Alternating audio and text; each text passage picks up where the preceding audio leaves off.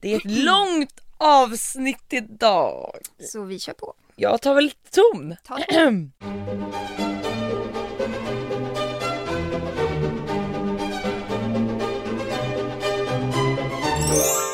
Hej och välkomna till Kungligt Med Jenny Alexandersson. och Sara Eriksson.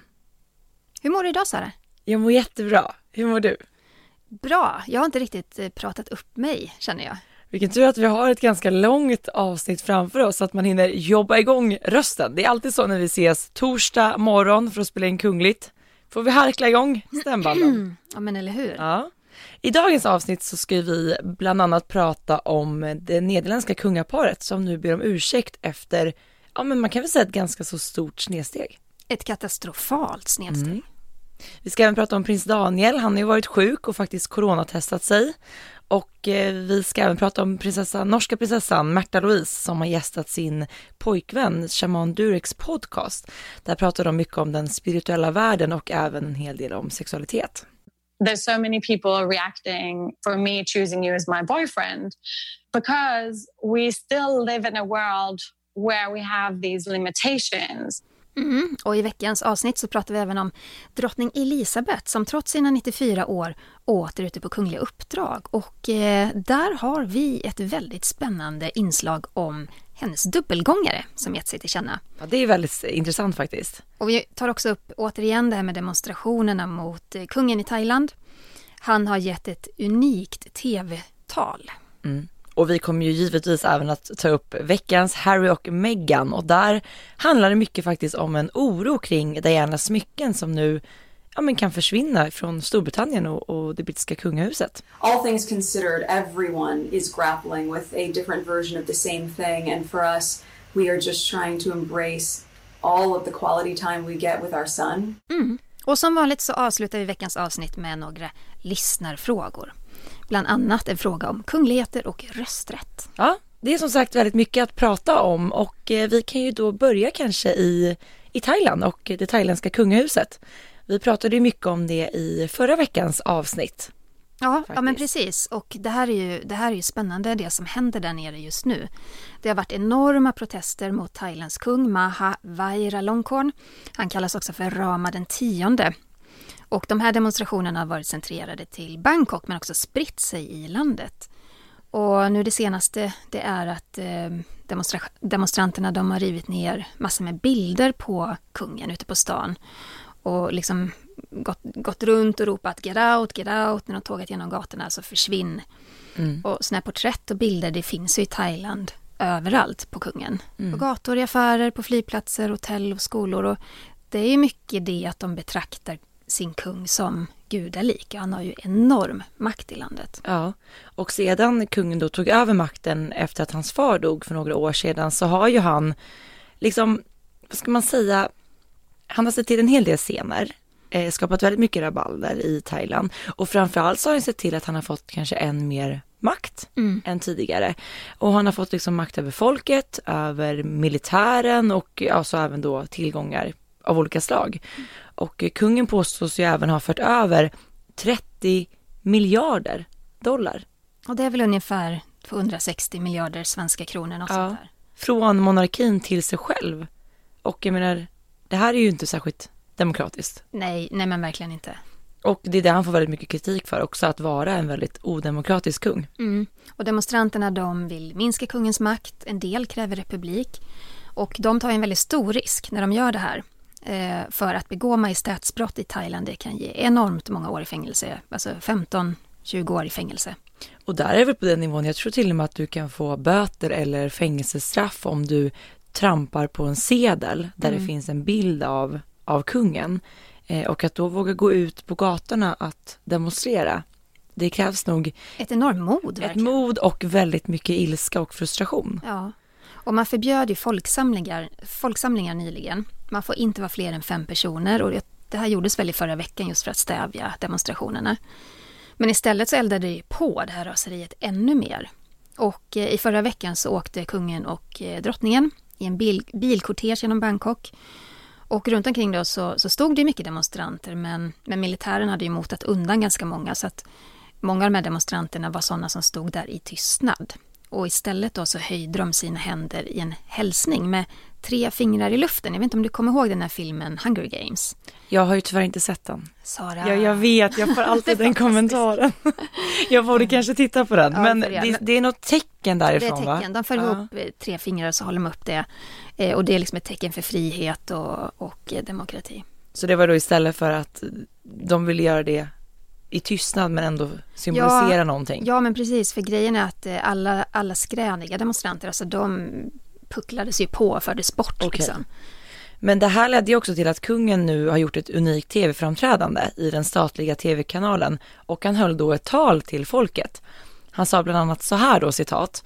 Jag tror att ni nu förstår att landet behöver folk som älskar nationen och monarkins institutioner. Slutcitat. Ja, han sa också då att eh, alla erfarenhet, erfarenheter ni haft, allt arbete ni gjort kan göra nytta. Ni kan lära nya generationer om allt ni varit med om. Det kommer vara otroligt användbart. Och vilka floskler, säger jag. Ja, Och eh, något slags... Eh, behöver folk som älskar nationen? Ja, men det är ju det de här demonstranterna gör. och det är därför de står nu på gatan. Ja. Eh, och det är inte så att talet har gett något lugn eller dämpat situationen utan det har väl snarare gett motsatt effekt och det skulle sägas att det här tv-talet från kungens sida det var ju någonting väldigt unikt. Ja, men det var det. Och kungen, han befinner sig inte ens i Thailand. Han var ju där på ett kort besök med drottningen just för att försöka lugna situationen. Eh, han bor ju faktiskt på ett lyxhotell i Tyskland och det har vi pratat om i förra avsnittet. Så vill ni lyssna på hela den bizarra historien så lyssna på förra avsnittet. Eh, hans fru, drottningen, eh, har under coronakrisen bott på ett lyxhotell i Schweiz, så hon har inte bott med kungen. Som istället haft sällskap med 20 älskarinnor på det här lyxhotellet i Tyskland. Och så sina tjänare och alla livvakter såklart. Ja. Och vi pratade även det, om det i förra veckans avsnitt att eh, det här har ju även väckt starka reaktioner på ett annat plan och det handlar ju då om Tyskland där utrikesministern har sagt att de inte då accepterar att kungen utövar sin politik ifrån och på tysk mark. Men det dröjde ändå sex månader innan, innan liksom, eh, Tysklands politiker reagerade på det här. Känns lite som det har eh, pågått någon form av strutsmetod där eh, och sen nu har allting kommit upp och bubblat upp till ytan. Så att det är egentligen två spår här som är väldigt intressant att följa. Dels huruvida kungen faktiskt kommer att få stanna i Tyskland just på grund av det, det tyska uttalandet, men även vad som faktiskt kommer att hända i Thailand för att den här typen av demonstrationer och uppror eh, gentemot monarkin i Thailand är väldigt ovanlig just på grund av de höga straffen. Eh, Ja, de säger ju att eh, just de här demonstrationerna är det är de kraftigaste och största eh, på många, många år i Thailand. Mm. Så att vi följer det Vi följer givetvis och håller er lyssnare uppdaterade. Vi ska kasta oss in i ett annat ämne. Det är nämligen så att förra veckan så inledde ju den svenska kungafamiljen sina länsbesök som de nu gör för att uppmärksamma och ja, men hylla arbetet som görs i spåren av, och i bekämpandet av covid-19. Och eh, kungen och drottningen de inledde ju sin då turné med att besöka Stockholms land, vilket vi också pratade om förra veckan. Och kronprinsessparet de eh, ska då besöka Västmanlands land. Och eh, där saknades prins Daniel. Han var nämligen sjuk. Han hade fått förkylningssymptom. Och enligt Expressen som ska ha varit i kontakt med hovets informationsavdelning så testades också prins Daniel för corona. Och det testet kom tillbaka negativt. Han har med andra ord inte corona. Nej. Och han var tillbaka på slottet eh, några dagar senare för att dela ut pris för hjärt och lungfonden på Kungliga slottet. Mm. Och det är skönt att se att han mår bättre och är tillbaka på jobbet. Ja, men man kan ju ändå inte låta bli att tänka så här vad som faktiskt hade hänt om det var så att eh, Daniel testades positivt för corona, alltså hade det. Eh, hur liksom kungahuset hade reagerat och vad vi hade sett för konsekvenser av det. Hade det blivit någon form av familjeisolering att kronprinsessan även hade ställt in sitt, sitt uppdrag fast hon inte visade symptom och så vidare. Det finns ju många tanke- frågor. Med tanke på att eh, kungafamiljen har varit så noga med att följa alla restriktioner och riktlinjer och verkligen varit förebilder i det, så tror jag att hade han testat positivt så hade man nog sett eh, någon slags eh, familjeisolering, alltså just när det gäller kronprinsessan i alla fall, att, att vi fått mer digitala möten och eh, deltagande i olika saker Mm. via video. Eh, men han skulle i så fall vara den första svenska kungligheten som, som får corona i så fall. Mm. Och jag tror att man hade agerat ganska så lugnt och sansat utifrån hovet och pressavdelningen. Och ändå väldigt informativt. Mm. Eh, Just för att som du säger har ju våra kungligheter varit väldigt noga med just det här leva som man lär. Eh, och de har ju verkligen pratat ut gentemot nationen om just att vi måste hålla ut, vi måste hålla ihop och alltså den här försiktighetsåtgärden har ju varit väldigt tydlig ända sedan i mars egentligen. Mm, ja men verkligen. Men kan vi inte hoppa över till Norge, Sara? För att, Nor- alltså jag såg en rubrik i morse på Aftonbladet att norrmännen mobbar svenskarna. Oj, hoppsan, vad kom det de- sig då? Nej, men det är de som pendlar och har eh, jobb och anställning i Norge, men bor i eh, Sverige. Okej. Har det tydligen ganska tufft nu, därför att norrmännen tycker att Sverige är ett farligt land. Av ja, corona. vi är liksom så här rödlistade nu, rödlistade. forever kanske, Mm. inte bara i skidspåret. Nej. Men eh, Märta Louise, hon eh, är ju prinsessa av Norge. Hon eh, deltog faktiskt i en podd med sin pojkvän shaman Derek Verrett. Hans podd heter Ancient Wisdom Today och han brukar bjuda in gäster och prata om väldigt spirituella saker. Och eh, shamanen han är ju i Norge och hälsar på prinsessan. Det är också lite spektakulärt. Ja, det fick ju ganska så mycket kritik. Vi pratade om det, det kanske var tre avsnitt sen här i podcasten, just att han då har flugit ifrån Los Angeles, är det väl han bor i, till Norge för att då träffa Märta Louise och ja, hon är ju ändå prinsessa av Norge, även om hon har tagit ett kliv tillbaka och liksom vad det sänder ut för signaler när, när det res liksom emellan där. Så att det var ju ganska ifrågasatt. Men nu är han i alla fall i Norge, han hälsar på henne De har pratat i podden tillsammans. Ja, och det är ju alltid intressanta samtal med Shaman Darek och Märta Louise är ju inte heller rädd för att vara ganska så frispråkig och eh, säga vad hon tycker och tänker i alla lägen, även om det kanske inte alltid har ansetts lämpligt inför ramen av att liksom vara kunglig. Men vad pratade då den här, det här avsnittet, vad pratades om, det om där? Ja, men, eh, hon började och eh, berätta om sin barndom och mycket av det har vi ju hört tidigare. Eh, hon tog upp just det här med att vara prinsessa har ibland gjort det svårt för henne att veta vilka som ville vara hennes vän för att hon var just prinsessa eller för att de verkligen ville vara hennes kompis för att hon var hon. Och det upplevde hon som ett stort problem och därför så tydde hon sig till djuren. Hon har alltid älskat hästar. Eh, hon har tävlat i hästhoppning och hon har liksom hängt i stallet eh, hela, hela tiden.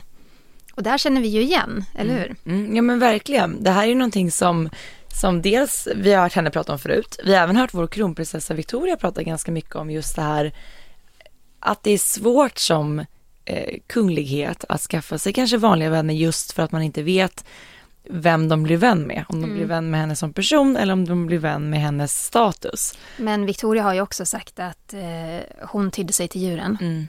Eh, familjens hundar, hästarna, hon har också ridit väldigt mycket. Och hos djuren kunde hon liksom hitta en sån självklarhet. Att djuren brydde sig inte om ifall hon var kunglig eller inte. Och det är det som Märta Louise också förklarar ganska mycket. Och vår kronprinsessa då, hon har ju till och med sagt att hon skulle inte vara just kronprinsessa så skulle hon vilja jobba som veterinär. Så att hon har ett väldigt starkt band just till djuren. Kanske det är det som gör att hon och Märta Louise är så bra vänner. Ja, för de umgås ju väldigt mycket privat. Mm. Mm. Men eh, de är också väldigt duktiga på, Shaman Darek och Märta Louise, de pratar ju väldigt mycket om sitt förhållande öppet. Eh, Mer öppet än kanske någon annan kunglighet. Så man har ju en väldigt bra insyn i deras relation. Eh, Märta Louise säger att många blev så här arga på henne för att hon valde en pojkvän som, som de inte då kan relatera till. Mm. Vad tror du liksom hon syftar till där? Nej, men jag tror hon syftar till, och det säger hon helt öppet i podden också, att det handlar om att han har en mörk hudfärg. Och eh, hon, hon säger också att folk tror att Verrett är galen eftersom han är spirituell och säger saker som många inte har reflekterat över. Och jag, jag köper den här sidan, jag köper det hon säger. För jag tror också att väldigt många reagerade på att han inte passade in i mallen. Att hon skulle träffa någon som var mer, mer liksom, vad ska man säga, ordentlig eller en norrman eller någon annan sådär. För att det ska också sägas, han har ju gjort vissa uttalanden som har verkligen kritiserats. Han har ju till och med sagt Oh ja. öppet att barn, får, barn som får cancer får skylla sig själva. Så han har ju varit extrem. Han är extrem. Han kanske har lugnat sig något, men han, han är fortfarande extrem. Eh, men jag tycker också att hon gör det lite enkelt för sig för att... Ehm, och jag tror att hon är väldigt medveten om det här för att en stor del av kritiken har egentligen inte handlat om hans hudfärg, utan det har handlat om att han eh, är kontroversiell. Eh, om, man har, eh, om man är del av en kunglig familj, alltså man kan ju inte styra väl kärleken, man blir kär där man blir kär i, men, men han kanske har ställt till det ganska mycket för henne genom sina uttalanden, genom sin bok som var väldigt, väldigt omtalad och blev stoppad i både Norge och Sverige. Ja. Eh, många har uttryckt en oro över att hon kanske blir lurad av honom. Eh, att eh, han kanske blev ihop med henne på grund av status. Och, och det kan jag tycka är sån kritik som man inte bara ska vifta bort. Eh, nu är hon fantastiskt förälskad och, och kär i honom och de verkar ha ett helt eh, underbart, eh, eh, höll på att säga äktenskap, så är det inte, relation. Men eh, jag tycker att hon kanske borstar undan lite den kritiken, för den är ju berättigad. Man måste kunna ha en diskussion kring det. För där blev det ju också så att i och med att hon är prinsessa så hade hon ett Instagramkonto, eller hon har ett Instagramkonto fortfarande som heter prinsessa Märta Louise, där hon gjorde väldigt mycket reklam för shamanens eh, både böcker och föreläsningar och, och, allt vad det nu var. Där fick ju till och med den norska kungafamiljen och eh, Håkon gå in och sätta ner foten och säga att du måste skilja på vad som är din kungliga titel och vad du gör privat. Mm. Och det slutade med att hon faktiskt skapade ett nytt Instagramkonto. Och bad om ursäkt. Precis, som heter I am Märta Louise, där hon nu mer gör reklam för de här grejerna för att verkligen skilja på de, det kungliga arbetet och med det här, vad ska man säga, ja men reklam helt enkelt ja. för hans business. Och hon var ju också en del av en föreläsningsturné tillsammans med shamanen som hette Prinsessan och shamanen och att använda då en kunglig titel i det, nej, Alltså och det är det... väl det som har fått allra mest kritik. Ja, och det tycker jag är fullkomligt berättigat. Mm. Och, och det tar hon såklart inte upp i podden. Vi kan lyssna lite på hur det låt, lät. You know, I think it's so funny. There is so many, like with us too, there's so many people reacting for me choosing you as my boyfriend because we still live in a world where we have these limitations. And I'm representing the country. And so people get so mad at me for choosing somebody who they can't relate to because you have because of the color of your skin. Uh, you're not supposed to be that color when you're with me. you know, that's just a, a norm. It's a limitation that people have in their brain. Alltså hon säger ju mycket att eh, alltså människor begränsar sig själva men att hon inte vill begränsa sig. Att hon inte ser något fel med att vara tillsammans med en shaman som hon beskriver som fantastisk, med fantastisk hudfärg och som är så sexuell. Och hon, eller sensuell kanske man säger. Hon säger att hon själv har varit ganska ovetandes om vilken privilegierad sits hon har som vit kvinna. Att hon inte är stolt över det, men att hon gör någonting åt det nu. Hon pratar ju även om då tiden efter att hennes exman Ari Ben dog eh, och att det här var den svåraste tiden i hennes liv. Men hon säger att hon och barnen då sakta men säkert börjar liksom resa sig upp igen och må lite, lite bättre. Men eh, det är ju det är klart att de har en, gått igenom någonting fruktansvärt tillsammans. Mm. Men det ska bli spännande att följa Märta Louise och shamanen också. Ja, jag tycker det är kul nu när han är i Norge, för som vi pratade om, Märta Louise är ju väldigt hästintresserad och hon eh, rider ju väldigt mycket och tävlar till och med. Och nu såg jag att han, hon hade tvingat med eh, Derek till stallet, så de var ute och red ihop. Så det är kul liksom att hon får ta in honom i, i sitt liv, mm. i Norge också. Eh, och som sagt, vill man följa det de gör så är de ju väldigt ofiltrerade och väldigt öppna med det via sina sociala mediekonton. Så där kan man ju kika in om man vill ha sig en liten glimt. Mm. Vi går över till Storbritannien, vårt älskade Storbritannien. Kungahusens kungahus. Och eh, drottningar av alla drottningar, drottning Elizabeth, hon är ju 94 år. Och hon är tillbaka på jobbet. Eh, hon har ju varit isolerad på Windsor Castle tillsammans med sin man prins Philip. Som faktiskt är 99, han fyller väl 100 i år? Han fyller, ja, nästa år då. Nästa år. Han fyller 100 år, det är helt otroligt. Mm. Eh, sommaren så den tillbringar de på Balmoral i Skottland och de har ju även varit på slottet i Sandringham men är nu tillbaka i London för kungliga uppdrag. Ja, och det gör de ju då givet, eller Elisabeth gör det givetvis då med hänsyn till den rådande situationen. Och prins Philip är ju kvar på Sandringham där han faktiskt spenderat mest av sin tid sedan han gick i pension. Mm. Och förra veckan så gav sig drottning Elisabeth ut på det första uppdraget efter karantänen. Och det gjorde hon tillsammans med sitt barnbarn, prins William. Det är kul att de är ute på jobbuppdrag tillsammans. Ja, fint att se. Han är också framtida kung efter sin pappa. Ja. Men de invigde Energetics Anal Analysis Center och det är en del av Defense Science and Technology Laboratory. Oj, det var långt. Ja, men dessa namn. Men de avtäckte en plakett tillsammans och fick en guidad tur genom lokalerna. Jag tycker det är väldigt roligt att se Elisabeth jobba tillsammans med William för man, man ser på något sätt att hon blir lite den här hur ska man säga, hon, hon är ju alltid den här drottningen, men hon mm. blir lite den här, hon har något lekfullt i blicken när hon får vara med sitt barnbarn på något sätt. Ja, men hon lever upp lite grann tycker jag. Ja, men eller hur. Eh, men vilken stålady hon är. Hon har liksom suttit isolerad i karantän. Hon är 94 år. Hon har regerat i 68 år. Ja. Det är en lång, lång tid.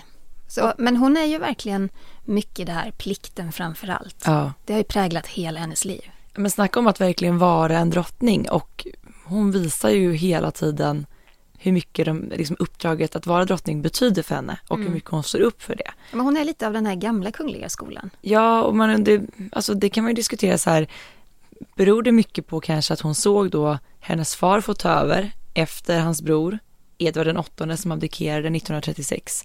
Alltså han svek ju ändå landet och kronan. Mm. Han, eh, han abdikerade för kärlekens skull, för amerikanskan Wallace Simpson. Och då fick eh, brorsan ta över helt enkelt. Eh, och det förändrade hela drottning Elizabeths liv.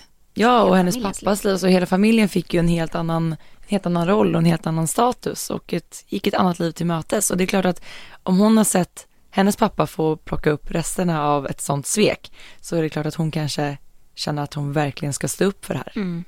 Och då tror jag därför tror jag hon blir extra trött på Harry och Megans jamsande. Men det kommer vi till lite senare. För vi ska faktiskt prata om en väldigt, väldigt spännande kvinna. Eh, ingen vet vem hon är knappt. Eh, det är så här att drottning Elizabeth hon genomför runt 300 uppdrag per år. Mm. Med sin ålder, helt fantastiskt. Men många av de här planerade uppdragen de kräver ju en repetition innan. Och det är för att säkerställa att allt ska gå så smidigt som möjligt och det handlar om, om säkerhet också. Och de här repetitionerna görs ju kanske någon dag innan eller tidigare samma dag. Men vid de repetitionerna så är det ju inte drottning Elisabeth själv som närvarar. Såklart, hon är upptagen kvinna. Utan det är en dam, en pensionär vid namn Ella Slack. Och mm. i över 30 år så har hon jobbat som drottningens dubbelgångare. Och det här är så intressant för att anledningen till att hon är just drottningens dubbelgångare, det är för att hon och drottning Elizabeth har väldigt många fysiska likheter. De har samma längd, de väger ungefär lika mycket, liknande frisyrer, kroppsbyggnad och så vidare. Och den här kvinnan då, Ella, hon kallas då för repetitionsdrottningen. Och hon har liksom varit med och övat inför alltså, stora, viktiga Eh, representationstillfällen. Hon har varit den som har då fått varit drottning när de har övat inför det här, till exempel Dropping the Color som är drottning Elizabeths eh, årliga firande av födelsedagen där på sommaren. Nej men det är jätteintressant där. Hon har liksom varit med och, och repat för öppningen i parlamentet. Det här måste ju vara väldigt häftigt att få ja få, liksom få vara drottningen. Det tror jag. Hon, eh, hon var, jag vet inte om hon jobbade vid BBC eller på något sätt var en del av eh, det där teamet. Men, men hon berättade i alla fall, det började med att en producent klagade på att eh, eh de, de, de behövde någon som hade ungefär samma höjd för att se vart ska de sätta ljuset, hur ska de liksom fixa med kamerorna och sådär. Och då Just fick hon det. kliva in där. Men det är så roligt för att Ella Slack, jag såg henne i en, här, i en videoinspelning igår eh, där hon berättade att eh, det är så spännande hennes jobb, men hon har aldrig fått sitta på tronen. Och det är ju big no-no, för det gör bara drottningen. Det får man inte göra. Så vid öppnandet av parlamentet, när hon då ska sätta sig som stand-in för drottningen, då får hon inte nudda sitsen, utan Oj. hennes rumpa måste sväva lite. Det som när man själv försöker gå på en offentlig toalett ungefär. Eller hur? Skåtta liksom. Ja, precis. Eh, och hon sa att det, det, är så strikta regler kring det. Hon får inte sätta sig, men hon, får säga, hon måste så huka sig ner för att de ska ändå sätta ljuset rätt. Så hon, går, hon går in då, gör hela grejen, repeterar och ja. sen fram till tronen, hukar sig ner, har kanske en decimeter mm. och sen snabbt upp, hon får inte råka, Jajamän. alltså rumpestumpen får inte landa på stolen. Ja. Men apropå det här att sitta på tronen, som mm. då är en big no-no, det är ju verkligen bara för drottningen, men det har vi pratat om tidigare. Vi har ju sett när drottning Elizabeths son Andrew har tagit in vänner och bekanta på en efterfest på Buckingham Palace. Och där finns det till och med bilder när vissa personer sitter på tronen va? Ja, eh, 2002 så fick ju skådespelaren eh, Kevin Spacey hänga med upp på party på slottet. Han eh, har ju faktiskt anklagats för sexövergrepp på minderåriga Eh, med på den festen var också Ghislaine Maxwell. Det är hon, ni känner säkert igen henne, hon, hon var ju bästa vän till Jeffrey Epstein, den här pedofildömde skandalmannen. Mm. Som prins Andrew är ju indragen i den här historien. Men de här två klättrar upp på tronen, de var väl fulla antar jag. Eh, men man ser på bilderna att de sitter lite så här hängigt och slängigt. Och det Nonchalant är det Ja, väldigt arrogant kanske. Och det togs bilder som sen såklart nådde pressen. Då var nog inte drottning Elisabeth särskilt glad och framförallt inte repetitionsdrottningen som får så ont i benen varenda gång för hon inte får slå ner rumpan. Herregud. Herregud. Mm. Vi tar oss inte jättelångt ifrån Storbritannien, men vi ska till Danmark. Och en annan drottning. En annan drottning som jag också tycker är väldigt drottningarnas drottning. Eh, drottning Margareta ställer nu in den årliga nyårstaffen och det är ju på grund av corona givetvis. Eh, coronapandemin fortsätter och stora firanden är ju inte att tänka på. Eh, drottning Margareta av Danmark gick därför ut i dagarna med det här beskedet att festen är inställd. Och mm. det här har hänt få men några gånger tidigare. Ja men eh, någon, något tillfälle som jag tänker på det är ju efter tsunamikatastrofen eh, 2004. Eh, det hann ju ändra år till 2005 och bli januari då man då ställde in nyttårstaffen mm. det året också. Eh, det var ju många danskar som drabbades i den katastrofen så att det, det kan man ju förstå. Men eh, politiker och andra representanter som brukar gå på de här festerna behöver inte misströsta. Det kommer hållas en nyttårsfest men en väldigt liten sådan. Eh, på Kristiansborgs slott den 4 januari.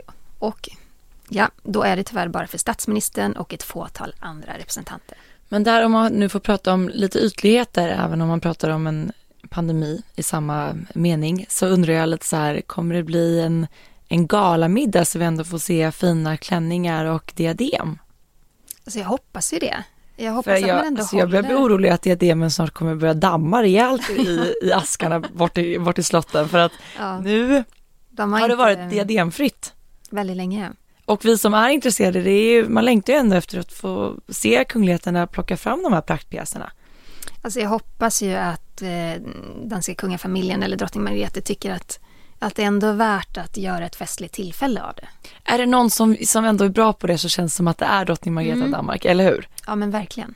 Några kungligheter som har en väldigt bra skattkista när det kommer till smycken, det är den nederländska kungafamiljen. Eh, men där är det inte riktigt läge att plocka fram några kronjuveler just nu. För det, är, det är lite dåligt. där. Det är inte, det är inte tjo och kim och kalastrumman i kungahuset där nu inte. Det är nämligen så här att Willem Alexander och drottning Maxima tvingades till att be offentlig ursäkt. Mm. I veckan som gick så reste det holländska kungaparet till Grekland på semester, för de har en stor lyxvilla där i södra Grekland. Och eh, tanklöst nog så, ja, de flög ner med regeringsplanet och skulle bara njuta av en semester i solen. Eh, vem gör så ens idag? Men de fick såklart massiv kritik både från folket och från landets politiker och det är för att alla slåss för att ja, men medborgarna ska följa restriktionerna. Och då kan man ju tycka att Nederländerna som är så hårt drabbat av corona Eh, och alla onödiga resor ska undvikas. Hur kan då ett kungapar få för sig att nej, vi ska nog glassa nere i Grekland ett tag. Nej, och det är som vi pratar ofta om och säger det att som kungligheter och ett, det kungliga huset finns liksom som en symbol som ska symbolisera vad landet står för och vad landet gör. Mm. Och där då, väldigt till skillnad mot svenska kungafamiljen så lever de ju verkligen inte som de lär här. Nej. Och eh, paret fick ju till och med då avbryta sin semester i förtid och flyga hem just för att kritiken var så massiv. Och sen skulle de ju då krishantera hela den här saken. Ja, och blev det så mycket bättre? Alltså först ett pressmeddelande då på hovets hemsida där det står att de då uppmärksammat reaktionerna och att de inser att deras resa inte bidragit till att uppmuntra folk till att följa reglerna. Då blir jag så här, nej, vad trodde mm. ni själva?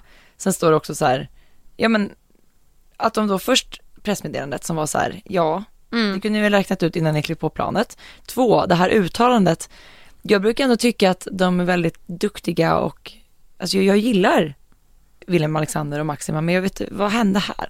Hur nej. sugen kan man vara på sol? Nej, men nej, hur sugen kan man vara? Och det som hände är ju också att eh, de tvingades faktiskt publicera en video där de bad om ursäkt och vi lyssnar lite på hur det lät. Met spijt in het hart richt ik mij tot u.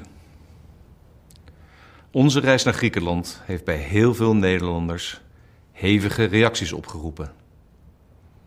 Het doet pijn uw vertrouwen in ons beschaamd te hebben. Ook al paste de reis binnen de voorschriften, het was heel onverstandig om geen rekening te houden met de inwerking van de nieuwe beperkingen op onze samenleving.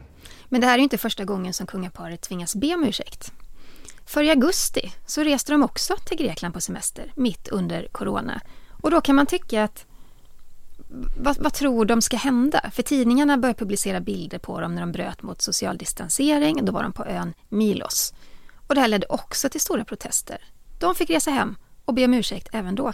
Hur kan man då göra så igen i oktober några månader senare? Det har bara gått två månader Ja. och de har ju behövt be om ursäkt första gången och nu gör de det igen. Jag förstår ingenting. Och sen också under det här klippet, eller den här offentliga ursäkten. Var, de sitter alltså båda två i en soffa kan man säga. Mm. Eh, I en tjusig slottsmiljö. Ja, och det är bara kungen som pratar Maxima sitter tyst och och ser väldigt dyster ut. hon ser dyster ut och tittar lite medlidande på honom och, och sitter tjusigt som, ja. Men det blir också så här om man nu då var redan var irriterad, jag blev irriterad av det här klippet för det är så här om det nu bara är kungen som ska prata, Mm. då är det väl bättre att bara göra ett klipp med honom för nu ser det bara ut som att hon, hon bara sitter där. ja. Känns lite det- 1800-tal. Ja, och jättekonstig situation. Ja, Men framförallt så börjar man ju fundera på, på kungaparets omdöme. För jag är som du, jag har också alltid gillat dem. Jag tycker att jag har ju träffat både Maxima, Willem Alexander och, eh, och småpratat faktiskt med Maxima på, på en, eh, på en, under ett statsbesök. Jag, jag gillar dem, för de, är, de känns väldigt enkla och eh, härliga som människor. ja men precis, men uppenbarligen lite Men för enkla. Ja, precis. Nej men alltså hur kan man Alltså ni som lyssnar, alltså ni får jättegärna skicka in kommentarer också till kungligt aftonbladet.se för vi undrar vad ni tänker kring det här. Det är nog ganska tydligt vart jag och Sara står här. Men, Ja, det var tydligt. men vad tänker ni? Ni får jättegärna. Tycker ni att det är okej att kungligheterna reser mitt i en pågående coronapandemin när man dessutom har gjort en resa och fått be om ursäkt för två månader sedan? Eller största frågan, varför gör man det då? Varför gör man det? Sara, det är dags att gå in på veckans Harry och Meghan. Vi kan inte ha ett program utan att prata om deras äventyr.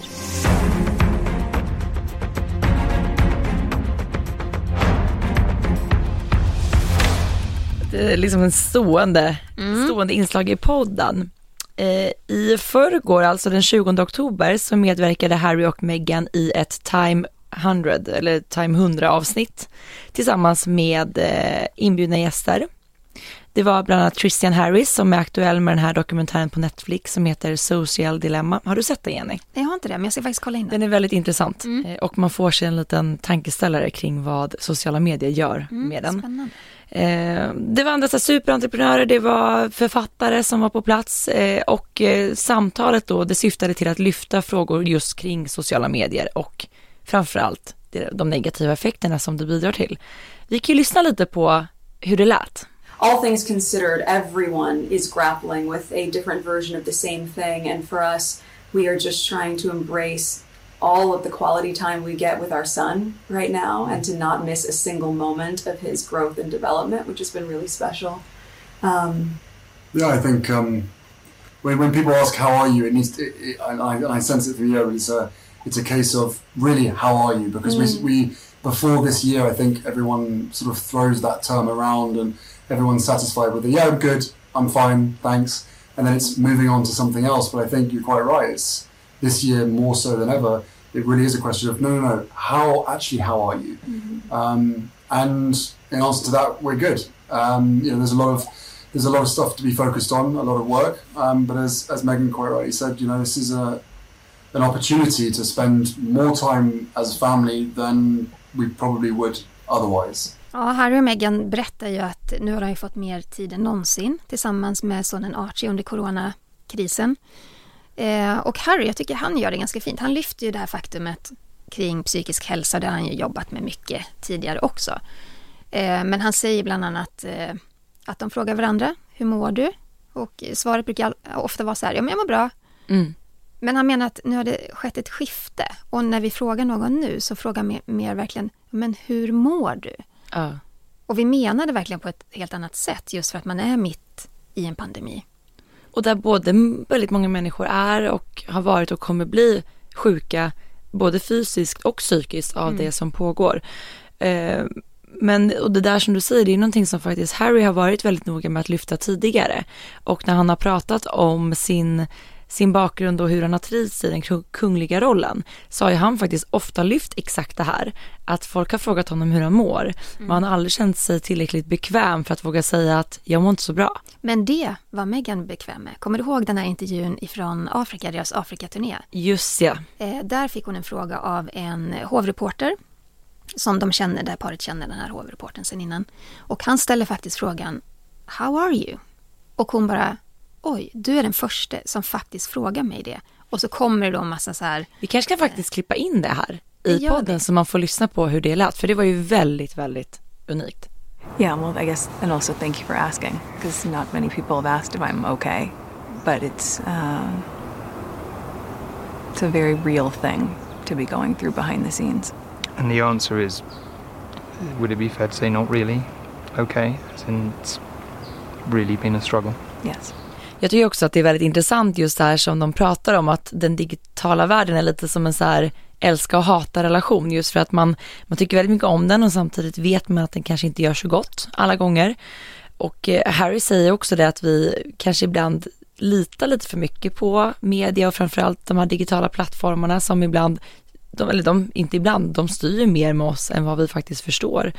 Eh, och han, Harry pratar ju även och säger just här att det som händer i onlinevärlden påverkar ju hela världen.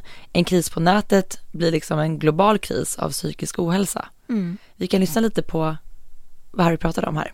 And equally, I think, you know, obviously my husband has worked quite a bit in the space of mental health, but also the environment, which you can touch on. Yeah, I think, I think that the, the mental health aspect is the most obvious to people. I think that's very much been uh, a topic of conversation across a lot of the platforms, but also uh, in the media as well. And let's not forget that these places are, are a refuge for some people, but it is a sort of a, it can be a sort of a, a love hate relationship. Um, but certainly, you know, for the things that I'm passionate about, especially for, for the environment that I've been involved in it with now for, for 12, 15 years, for me, what I see is the digital space hampering the progress that needs to be made. Um, and this misinformation that seems to snowball from one place that is that is in the online space, uh, in the online space even, and then ending up in the in, in, in our physical world. And you know, a lot of the time we don't know where it comes from. We don't know how to trace it back.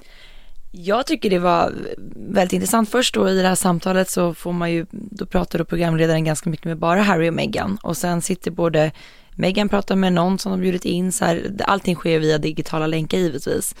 Ehm, men min reaktion liksom på parets medverkan var framförallt att jag tycker att man fick ett ganska så lugnt intryck av paret. Men å andra sidan så är det här en spelplan som de själva väljer, vilket gör att de är helt med på hur, hur de liksom vad det blir för porträtt av dem i det här sammanhanget, vad de ska säga, de har säkert varit med och skrivit manus själva och så vidare. Så det är klart att det är ganska lätt för dem att vara lugna i sammanhanget, för det är deras spelplan. Um, man får ju verkligen en känsla av att de båda två brinner väldigt mycket för det här, eh, psykisk ohälsa kontra sociala medievärlden och så vidare. Um, och de slapp ju också undan alla frågor som rör deras kungliga liv och deras kungliga framtid.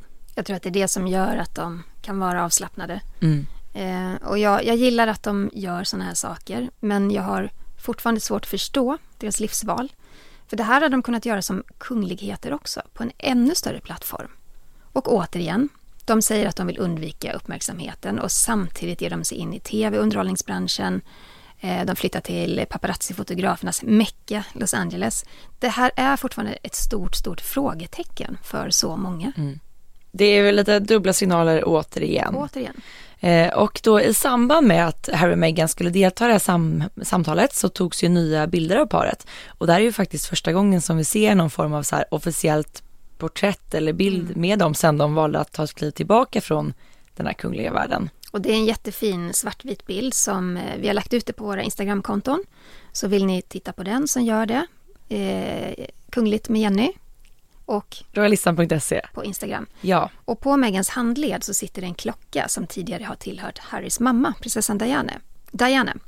Och den här tankklockan från Cartier, den är värd omkring 250 000 kronor. Mm. Och Meghan hon har ju väldigt många smycken efter sin eh, svärmor. Och i samband med parets bröllop 2018 då fick ju Meghan bära en stor akvamarinring Och hon har även burit ett par diamantörhängen som ser ut som fjärilar Mm. samt ett armband. Så att eh, det är många smycken då som Harry har ärvt efter sin mamma givetvis. Som han då gett vidare till, till Meghan. Ja, och nu är det ju framförallt känner man att det är lite shaky i Storbritannien för det är väldigt många som oroas över vad som kommer att hända med de här smyckena nu.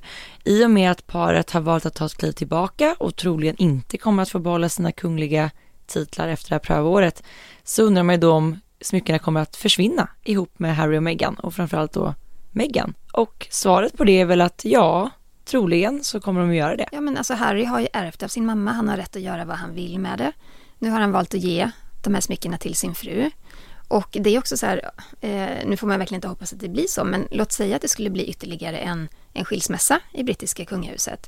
Då kommer de här smyckena, då följer de ju med Meghan Såklart. såklart. Så att, eh, men det är också lite typiskt här Storbritannien nu, vi pratade om det förra veckan, att det finns ju team Kate och så finns det team Meghan. Så nu är såklart team Kate väldigt oroade för vart de här Diana slash eh, Meghan smyckena ska ta vägen. Mm. Mm. Hörni, vi ska ta tag i lite av era lyssnarfrågor. Fortsätt jättegärna skicka in frågor till kungligt aftonbladet.se. Och vi börjar med den första frågan. Hej, jag har en fråga. På kungliga uniformer, manliga sådana, så kan man ofta se att de har ett helt gäng flaggor över bröstet. Varför har då till exempel den svenska kungen så många andra nationers flaggor och inte endast den svenska? Tack för en intressant podd. Jag Tack tror, ja tack själv. Jag tror att man syftar till här vad man kallar för utmärkelser snarare än flaggor. Det, kan vara, det, ser ut som, det ser nästan ut som en flagga med en liten medalj under på bröstet. Och om man jämför med andra kungahus så är ju vår kung väldigt så här, återhållsam med att bära just utmärkelser. Eh, ofta som man tittar jämför med utländska kungligheter så hänger det liksom, så länge allting kan hänga på en rad så är det liksom, det kan vara tiotal sådana här utmärkelser som som klingar på där. Men eh, vår kung är lite mer återhållsam och eh, där handlar ju om att Oscar den andra, han satte då en ny tradition som var just att då bara bära svenska utmärkelser samt minnesmedaljer från närbesläktade kungahus. Och den här traditionen har ju vår kung tagit ett steg längre och bär endast medaljer till minne av andra monarker. Så vår kung bär då oftast eh, Gustav Vs jubileumsminnestecken och Gustav VI Adolfs minnesmedalj, Håkon den sjundes hundraårsmedalj och Olof den femtes jubileumsmedalj samt Harald den femtes jubileumsmedalj. Och vill man liksom kika närmare på dem så kan man googla på de här namnen jag precis sa för då får man upp dem i ganska så stor bild så kan man se exakt hur de ser ut och också känna igen dem på kungens bröst. Det låter bra. Det låter bra. Jag ska ta nästa fråga här då. Tack för en bra podd, skriver Anton. Jag har en fråga om kungligheterna och politik. Jag hörde att prins Harry hade sagt i USA att han aldrig haft möjlighet att rösta på grund av sin kunglighet. Hur är det i Sverige? Kungligheterna ska ju inte lägga sig i politiska frågor. Innebär det också att de avstår från att rösta i valen? Ja, men det är ju en jättebra fråga och eh, han, Anton har helt rätt här att kungligheterna ska inte lägga sig i politiska frågor. Ehm, så är det ju. Och eh, kungafamiljen har rätt att rösta precis som alla andra svenska medborgare. Men de väljer att inte göra det just för att hålla på sin neutralitet. Och faktum är det här att jag hörde också det här som Harry sa eh, att han inte fick rösta under hela sitt liv i Storbritannien.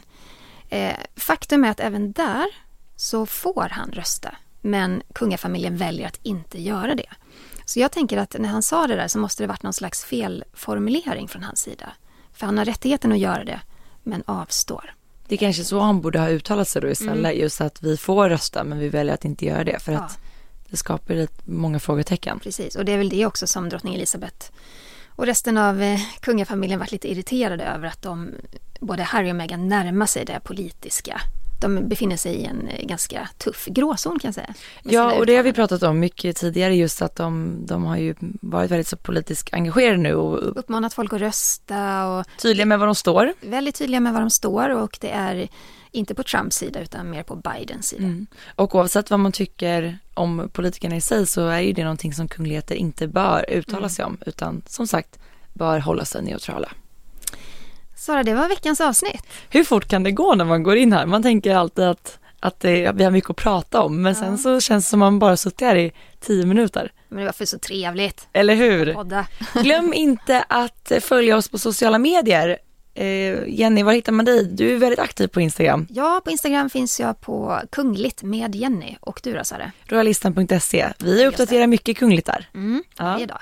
Och eh, tittarfrågor skickar ni till kungligt snabel aftonbladet.se. Eller lyssna frågor. Ja, lyssna frågor. Vi är så vana från när vi har gjort kungligt på tv. Ja. Men ni kanske tittar lite halvt på podden också. Ja, Ja. I don't know. Okej, men hörni, det är snart helg. Ha en helt fantastisk helg. Njut av det här höstvädret, även om det är lite ruskigt, men det är väldigt mysigt. Ja, det är mysigt. Tänd ljus, drick te, ha det mysigt, ha det bra. Och så hörs vi igen om en vecka. Det gör vi. Ha det gott. Hej! Hej då!